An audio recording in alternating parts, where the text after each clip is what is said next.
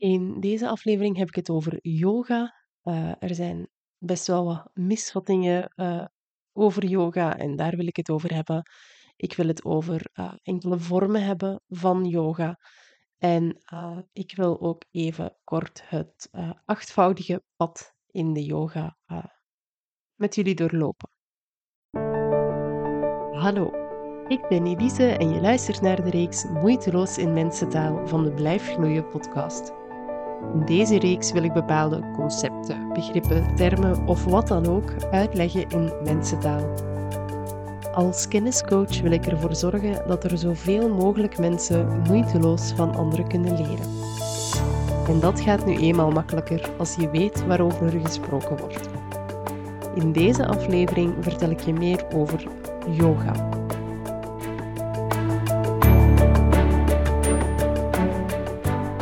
Hallo allemaal, welkom in een nieuwe aflevering van Moeiteloos in Mensentaal.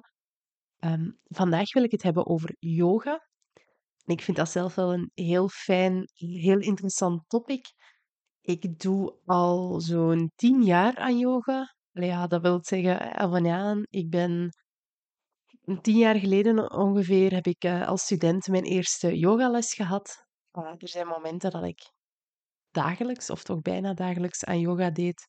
Maar er zijn zeker ook momenten geweest uh, die vaak langer geduurd hebben dat ik er uh, dat ik totaal niet aan yoga gedaan heb. Maar ik ben er dus mee begonnen als student. Um, in Antwerpen nog was dat toen. Uh, dan heb ik hier een tijdje yoga gedaan toen ik pas begon te werken.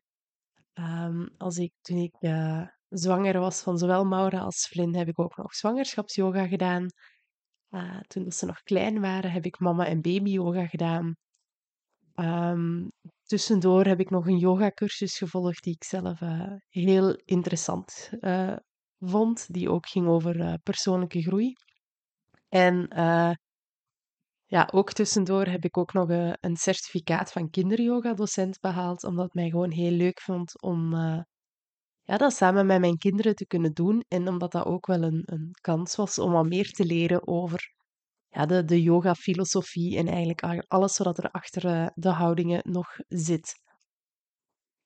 Dus ja, um, ja, het lijkt me duidelijk. Ik, ik hou wel van yoga. Ik zie er zeker ook het nut van in. Uh, ik ben het ook opnieuw beginnen doen, omdat ik merkte dat ik er, uh, dat ik er nood aan had ook. Um, maar ja, omdat ik het zo leuk en interessant vind zelf, maakt het natuurlijk ook wel iets gemakkelijker voor mij om, uh, om iets rond dit onderwerp te doen. En uh, ja, als uitgangspunt wil ik ook een beetje nemen van ja, niet iedereen is zo'n grote fan van yoga. En dat is, dat is helemaal oké, hè. Dat is ieder zijn ding. Um, maar ik denk ik denk dat er heel veel mensen zijn die ook niet echt voorbij sommige vooroordelen kunnen kijken, die niet voorbij sommige misvattingen kunnen kijken. Um, ja, vandaag wil ik eigenlijk wat, wat meer uitleg geven over wat dat yoga wel is en wat het ook niet is. Um, en dit zijn bijvoorbeeld een paar dingen die, die ik regelmatig hoor rondgaan over yoga. En uh, dat zijn zeker dingen die ik zelf misschien ook ooit uh, gedacht heb of uh, geloofd heb voordat ik er uh, ja, me wat meer in verdiept heb en er wat meer mee bezig zijn geweest. Zoals bijvoorbeeld, ja, je moet lenig zijn om aan yoga te doen. Of yoga is een religie. yoga is saai. het gaat vrij traag. Ik heb er eigenlijk het geduld niet voor. Dat heb ik ook al wel heel vaak gehoord. yoga, dat is eigenlijk alleen maar stretchen. Uh, ik ben niet rustig genoeg om aan yoga te doen. Heb ik ook heel veel mensen horen zeggen. Als ik zeg van, ah ja, uh, bij mij heeft yoga daarbij wel bij geholpen. Krijg ik van, ah nee, ja, ik ben niet rustig genoeg om aan yoga te doen. Um, ik ben te dik om aan yoga te doen. Is jammer genoeg ook zo nog wel eens een foute overtuiging die ik, uh, die ik hoor af en toe. dat er geen uitdaging zit in yoga. Dat het dus ja, gemakkelijk is. Een beetje in de lijn van ja, het is saai, het is traag. Um, dat yoga vooral gaat over ja, de vorm en mooie poses uh, aannemen. En dat dat bij u dan toch niet zo zou lukken om dat zo mooi te maken. Um, misschien nog eentje die ik al wel eens heb horen waaien. Van ja, ik heb een strakke legging nodig om aan yoga te doen. de, de zogenaamde yoga pants. Ehm, ja, dat zijn allemaal ja, misvattingen of, of vooroordelen die ik al wel eens gehoord heb. Ehm, en een heel deel daarvan gaan nu zeker niet onbekend zijn. Ik zeg het, er zijn dingen die ik zelf echt wel gedacht heb voordat ik er ehm, vaker mee, ehm, mee bezig ben geweest. Ik herinner me bijvoorbeeld nog mijn eerste yogales. Uh, in Antwerpen was dat toen. En op een bepaald moment, om rustig te worden, denk ik dat de bedoeling ervan was, moesten we per twee gaan zitten en moesten we een hand op elkaars buik leggen om naar de ademhaling te voelen. Nu, dat waren allemaal mensen die ik, die ik niet of uh, nauwelijks kende. Uh, niet kende eigenlijk gewoon. Allee, um, dat waren echt geen mensen die ik kende daar. Dat voelde super ongemakkelijk. Uh, ik dacht ook van ja, was dat hier? Um, maar toch was er ook iets ja, dat mij wel eraan intrigeerde, waardoor ik het dan toch nog eens opnieuw ben gaan proberen, eventjes later, wat dat dan wel uh, wat beter meegevallen is. Maar sowieso, uh, daar wil ik ook mee beginnen. Er zijn heel veel verschillende vormen van yoga. En sommige van die vormen zijn inderdaad meer gericht op stretch en op rust vinden. Um, een heel duidelijk voorbeeld daarvan is restorative yoga, uh, waarbij dat je echt bepaalde houdingen enkele minuten gaat aanhouden en gewoon gaat focussen op je ademhaling. Dus dat is totaal niet, daar zit totaal niet veel beweging in. Uh, je gaat naar een houding en je blijft daar een hele tijd in zitten. Want er zijn zeker ook andere vormen, zoals uh, power yoga, die, die ja, daar eigenlijk lijnrecht tegenover staan. Hè. Daar um, volgen de houdingen elkaar veel sneller op. Dat zijn veel dynamischere houdingen, veel meer ja, houdingen waarbij er toch wat meer kracht nodig is.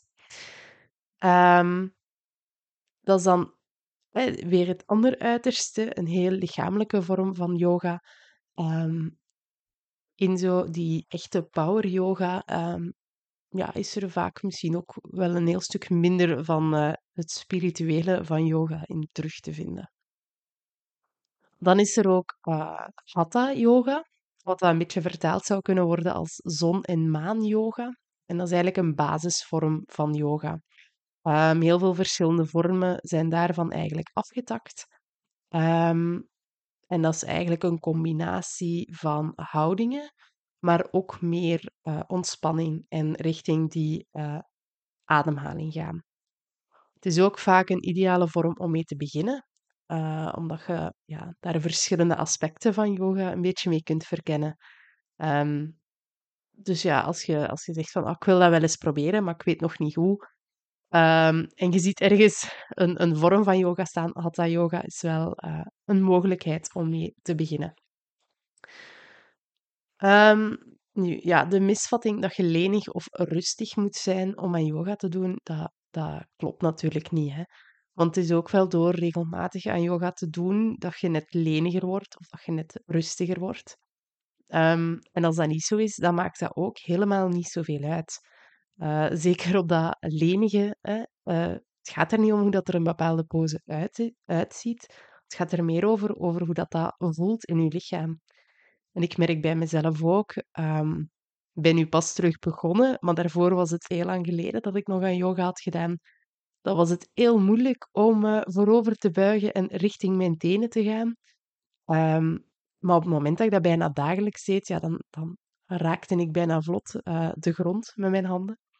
Dus um, het is ook wel echt door het oefenen, door het trainen, dat dat gewoon uh, beter, uh, beter wordt en dat dat beter gaat. Dus je moet zeker niet lenig zijn om aan yoga te beginnen. En je moet er ook zeker niet rustig voor zijn.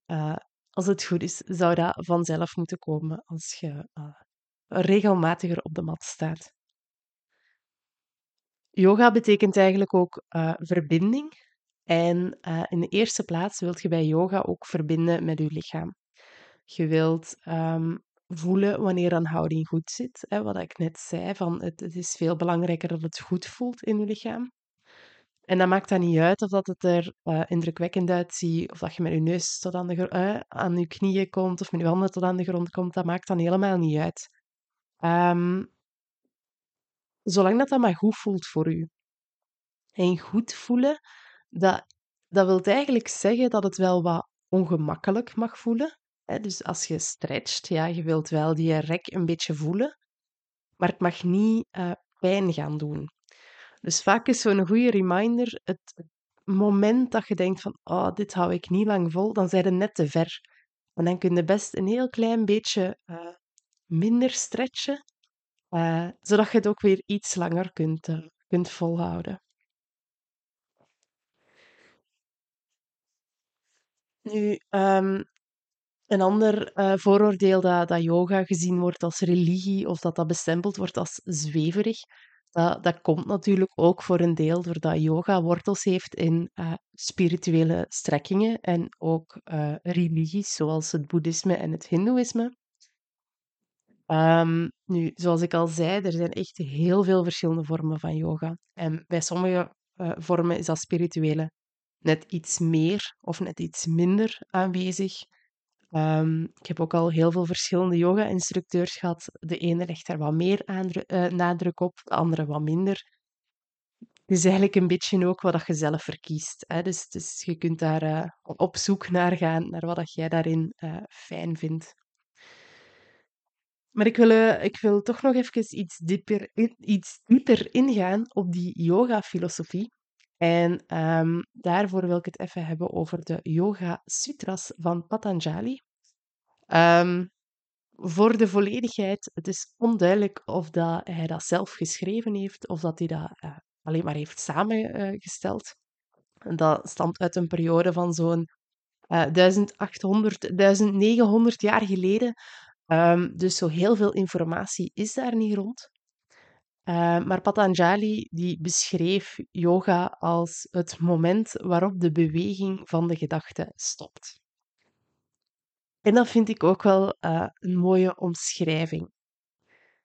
Um, en ja, op basis van wat dat er uh, samengesteld of geschreven is, zijn de Yoga sutras opgesteld en daarmee ook het achtvoudige uh, pad. Um, dit is natuurlijk de heel spirituele kant van yoga nu, uh, maar dat zijn eigenlijk acht onderdelen die samen het geheel van de uh, yoga vormen. Dus dat gaat dan ook wel weer wat verder dan ja, yoga voor de sport, vaak. Um, maar dat achtvoudige pad, ik wil dat hier wel even kort um, overgaan, omdat dat ook wel iets is dat ik zelf interessant vind. Um, de stappen uit het achtvoudige pad komen uit het Sanskriet. Um, ik weet dus zeker niet of dat ik alle woorden wel juist uitspreek. Um, stuur me gerust een berichtje, misschien liefst een spraakberichtje met de juiste uitspraak als ik uh, iets fout zeg. Je mocht mij er zeker in verbeteren. Ik ga ook het gebruik van moeilijke woorden proberen te beperken. Dat ook wel ja, het is moeiteloze mensentaal. Ik wil ook wel dat je kunt volgen met wat ik hier vertel. En als eerste uh, in de achtvoudige pad heb je de yamas en als tweede de niyamas. En dat zijn eigenlijk allemaal uh, principes. Dus de yamas zijn meer um, een soort gedragscode naar de buitenwereld toe. Bijvoorbeeld uh, dat je geweldloos handelt en dat je eerlijk bent. En de niyamas zijn dan weer principes meer naar jezelf toe. Bijvoorbeeld dat je goed gaat zorgen voor je lichaam, dat je aan, uh, dat je aan zelfreflectie gaat doen. Um, dat zijn niet de enige die dat zijn. Je kunt dat heel gemakkelijk vinden als je daarin geïnteresseerd bent. Zoek, zoek, maar eens op achtvoudige pad of de, op de yamas of niyamas en dan gaat je daar veel meer over vinden. Ik hou het hier in deze podcast ook um, beknopt, zodat, uh, zodat het voor iedereen interessant blijft. Als derde heb je dan de asanas, en dat zijn de houdingen. Um, en die komen wel overeen met beeld dat je vaak hebt van yoga. Dus heel veel verschillende yoga-houdingen. En de bekendste yoga-houding is natuurlijk de neerwaarts kijkende hond of de down dog. Um, maar er zijn er echt, um, er zijn er echt enorm veel.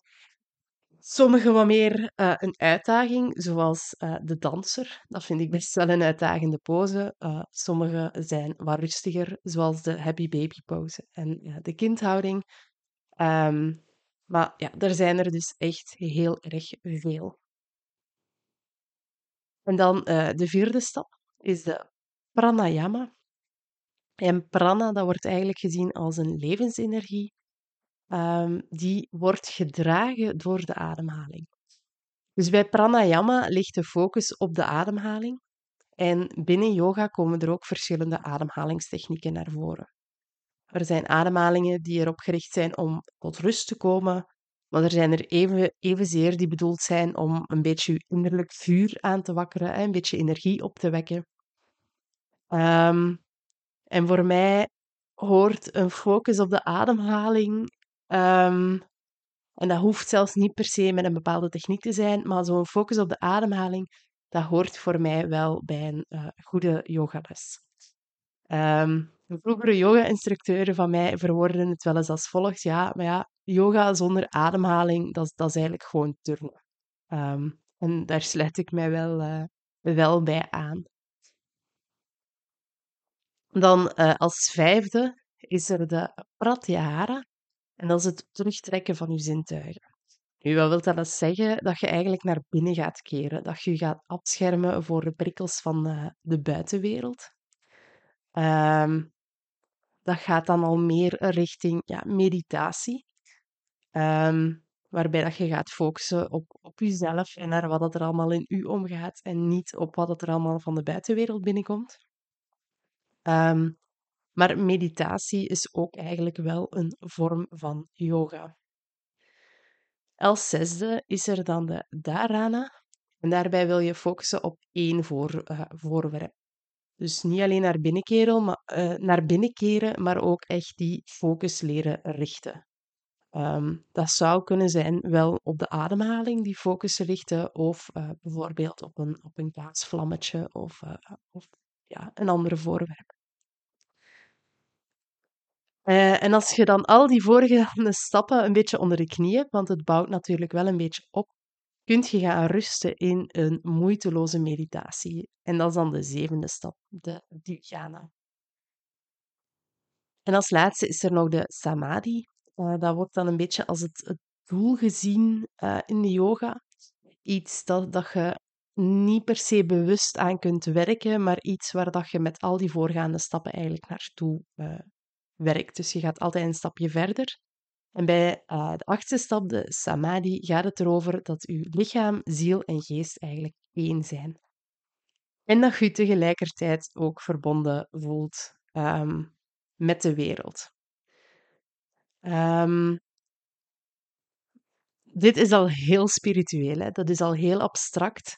En als je dus ook volledig probeert te leven volgens het achtvoudige pad en het allemaal wordt laten terugkomen in de yoga practices, ja, dan, dan, dan snap ik dat je denkt, ja, yoga leunt wel heel hard aan tegen een religie, of ja, op zijn minst kan het toch wel tellen als, uh, als spirituele strekking. Nu, ik zeg het, ik ben uh, vrij veel met yoga bezig geweest. Het is zeker niet zo dat ik dat, dat achtvoudige pad echt uh, volg. het is zeker niet zo dat yoga zo vervlochten is in mijn leven. Um, maar ik heb wel al verschillende voordelen zelf ervaren van yoga. En dan zeker ook van yoga die, die ja, toch net iets verder gaat dan alleen die houdingen. Zoals ik al zei, die ademhaling is voor mij wel heel belangrijk daarbij. Um, zo heb ik bijvoorbeeld door aan yoga te doen geleerd om door ongemakken of, of zo'n beetje discomfort heen te ademen. Um, ik heb geleerd om door te zetten als het oncomfortabel is, maar wel ook om te stoppen als het pijn doet. En ik heb door yoga ook geleerd uh, het verschil te voelen tussen ja, wat voelt dan ongemakkelijk en, en ja, was gewoon pijnlijk. Um, en ja, ik, ik geloof ook heel sterk dat mijn eerste bevalling uh, van Maura dat die heel vlot ging. Uh, en ik geloof ook wel dat dat deels komt doordat ik uh, ja, zo vaak regelmatig aan zwangerschapsyoga had gedaan en daar ook echt had leren luisteren naar mijn lichaam en had leren focussen op mijn ademhaling. En daarbij wil ik zeker ook wel de kanttekening maken, hè, dat is geen wondermiddel, hè, yoga. Ehm, dat is niet zo dat, dat, dat, dat, alles daaraan toe te schrijven is. Op dat moment waren gewoon, zat gewoon ook alles mee hè, met mijn eerste bevalling. Ik was rustig, had een rustige dag gehad. Ehm, alles, alles liep goed, waardoor dat ook gewoon veel gemakkelijker was om bij mijn ademhaling te blijven. Maar ik geloof ook wel dat die yoga daar uh, ook wel een belangrijke rol in gespeeld heeft. En ik ben nu na lange, een lange tijd niet, uh, ik denk toch bijna twee jaar sinds, sinds de mama- en baby-yoga uh, met Flynn, is het toch al geleden dat ik nog echt met yoga ben bezig geweest of nog echt een fatsoenlijke yogales heb, heb bijgewoond. En nu merk ik ook zo terug al wel die, die effecten. Ik ben al iets meer ontspannen. Daar hoort jammer genoeg ook bij voor mij dat ik wat vaker ziek word. Maar wat ik ook merk, is dat ik al veel meer helderheid krijg, dat ik al um, veel betere beslissingen kan nemen, dat ik al veel beter rustig kan blijven als er iets onvoorzien uh, voorkomt. Um, dus voor mij heeft yoga echt al wel veel gebracht. En ik, ik weet inmiddels ook voor mezelf dat die effecten alleen maar beter worden naarmate dat ik er meer mee bezig ben. Maar om dan misschien even terug te komen aan die uh, vooroordelen of op die vooroordelen. Nee, je moet dus niet lenig, rustig of slank zijn om aan yoga te doen. Um, je zou elk van die drie dingen kunnen worden als je regelmatig aan yoga dit, uh, doet, maar dat hoeft zeker geen doel te zijn, liefst niet zelfs. Uh, en nee, yoga is ook niet enkel stretchen. Um, het krijgt meer verdieping door de filosofie erachter, of gewoon al door de focus op je ademhaling. Maar een yoga-practice kan ook net heel uitdagende houdingen bevatten, die eerder je spieren gaan uh, versterken, waardoor je echt wel sterker wordt. Um, en bij sommige vormen van yoga volgen de houdingen elkaar ook heel snel op, uh, waardoor dat je toch ook wel een deel je conditie traint. Hoe het eruit ziet is bij yoga niet belangrijk. Of dat je nu helemaal dubbel plooit met je neus tot aan je knieën of niet. Uh, het gaat er net over dat je de juiste delen van je lichaam gaat activeren of gaat uitrekken. En elk lichaam is anders, dus dat ziet er voor iedereen anders uit. En dat hoeft er zeker niet perfect uit te zien. Dus ja, als je dit gehoord hebt, dan begrijp je ook wel dat je geen strakke legging nodig hebt om aan yoga te doen. Uh, gewoon gemakkelijke kleren zullen het wel doen. En dan ja, yoga is een religie. Tja, als je echt heel erg bezig bent met yoga en met yoga-filosofie, dan kan het wel een beetje op een religie gaan lijken. Of ja, is het toch, telt het toch wel zeker als spirituele uh, strekking. Maar um, ja, het is toch echt, het staat toch echt los van uh, religie. Want of dat je nu een boeddhist bent, een hindoeïst, een atheïst, een christen of een pastafari, um, dat maakt niet uit. Je kunt toch sowieso aan yoga doen. Um, en je hoeft ook zeker niet mee te zijn met die hele filosofie om aan yoga te kunnen doen en om er je voordeel uit te, hebben, uh, uit te halen. Want op zijn minst heb je gewoon een workout gehad of zijt gaan stretchen. En alles wat het u verder nog kan brengen, dat, dat is dan alleen maar mooi meegenomen, denk ik. Dit was dan uh, ja, verkort mijn uitleg over yoga en yogafilosofie. Ik besef dat het ook precies een beetje een reclamepraatje uh, geworden is voor yoga. Uh, sorry daarvoor, maar ik ben zelf wel gewoon oprecht fan. En ik kan dat, ik kan dat ehm, niet, um, niet verbergen. dat, zo, zo werkt het niet voor mij. Um, het is misschien een beetje op een pleidooi geworden dat, dat iedereen baat zou kunnen hebben bij yoga. En, en ja, dat klopt misschien ook wel, want dat geloof ik ook echt wel. Um, maar mijn voorname doel hiermee was om je toch een inkijkje te geven uh, ja, wat dat yoga eigenlijk is, wat dat de mogelijkheden zijn binnen yoga en, en ook een klein tipje van de sluier van, van de filosofie die erachter zit. Um, zodat je um, ja, ziet dat, dat het toch wel verder gaat dan heel veel vooroordelen of um, ja, heel veel misvattingen die er toch de ronde uh, doen. Ik hoop ook dat ik voor u enkele misvattingen heb kunnen weerleggen, als er nog waren daar, uh, waar jij in geloofde. Nou ja, misschien toch dat je zin, zin hebt gekregen om dat te proberen. Maar dan raad ik u echt, echt aan, zoek iemand, zoek een instructeur die bij u past. Als jij totaal niet geïnteresseerd bent in je yoga-filosofie, dan wilt je echt niet terechtkomen bij iemand die onmiddellijk begint met praten over het openen van je chakras of zo. Ehm, dus, dus hou daar gewoon maar rekening mee als je het wilt proberen. Ehm, dat er, dat er uh, verschillende instructeurs zijn met allemaal een eigen aanpak. En als, uh, als de aanpak u niet ligt, dat het misschien eerder aan, aan de instructeur ligt dan aan yoga zelf. Bovenal hoop ik natuurlijk dat je er iets van geleerd hebt, uh, dat het u geïnspireerd heeft. En je mag mij zeker laten weten of dat je het interessant vond. Nu, um, ik ben zelf heel veel met yoga bezig of bezig geweest. Uh, ik heb er heel veel over opgezocht, maar ik ben er natuurlijk geen expert in. Um, als jij zegt van, oh wacht, uh, hier klopt iets niet, Elise, je hebt daar iets gezegd dat, dat totaal niet waar is um, over de yoga-filosofie of over de, de yoga-vormen, laat het mij dan zeker weten. Ik leer er zelf ook heel graag bij.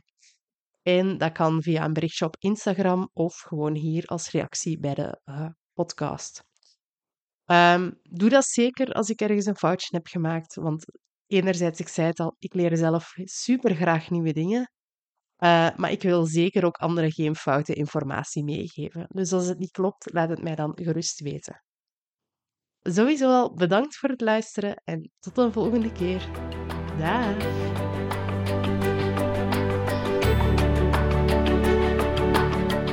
Bedankt voor het luisteren van deze aflevering.